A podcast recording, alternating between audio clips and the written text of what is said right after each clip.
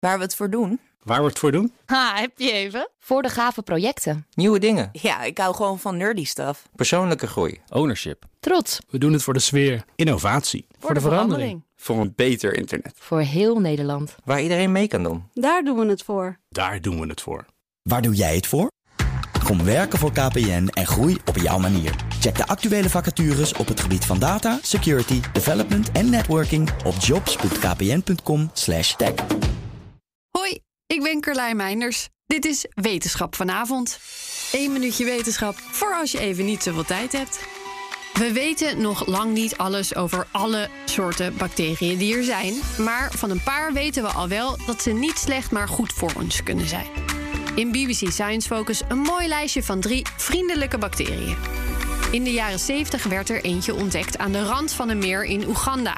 Die, bij muizen tenminste, zorgde voor minder stress en angst. De bacterie had namelijk invloed op het TPH2-gen, dat weer van invloed is op de aanmaak van serotonine.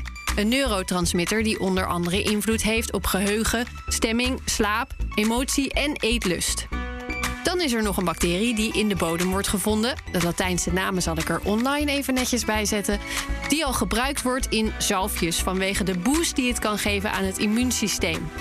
Deze enorm sterke bacterie, die zes jaar bleek te kunnen overleven in de ruimte, kan onder andere helpen bij het verminderen van oog- en huidinfecties. Een derde bodembacterie is van invloed op lichaamsgewicht. Testen in muizen laten zien dat het overgewicht tegen kan gaan, maar ook in kankeronderzoek wordt naar deze bacterie gekeken.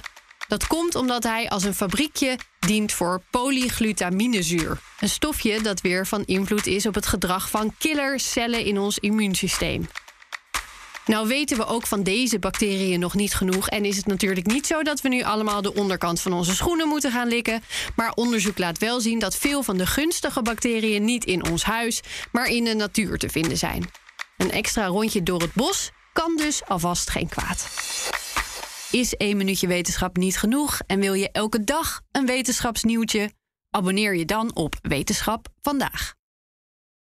Ook Thomas van Zeil vind je in de BNR-app. Je kunt live naar mij luisteren in Zaken doen. De BNR-app met breaking news, het laatste zakelijke nieuws... en je vindt er alle BNR-podcasts, bijvoorbeeld Het Nieuwe Geld. Download nu de gratis BNR-app en blijf scherp.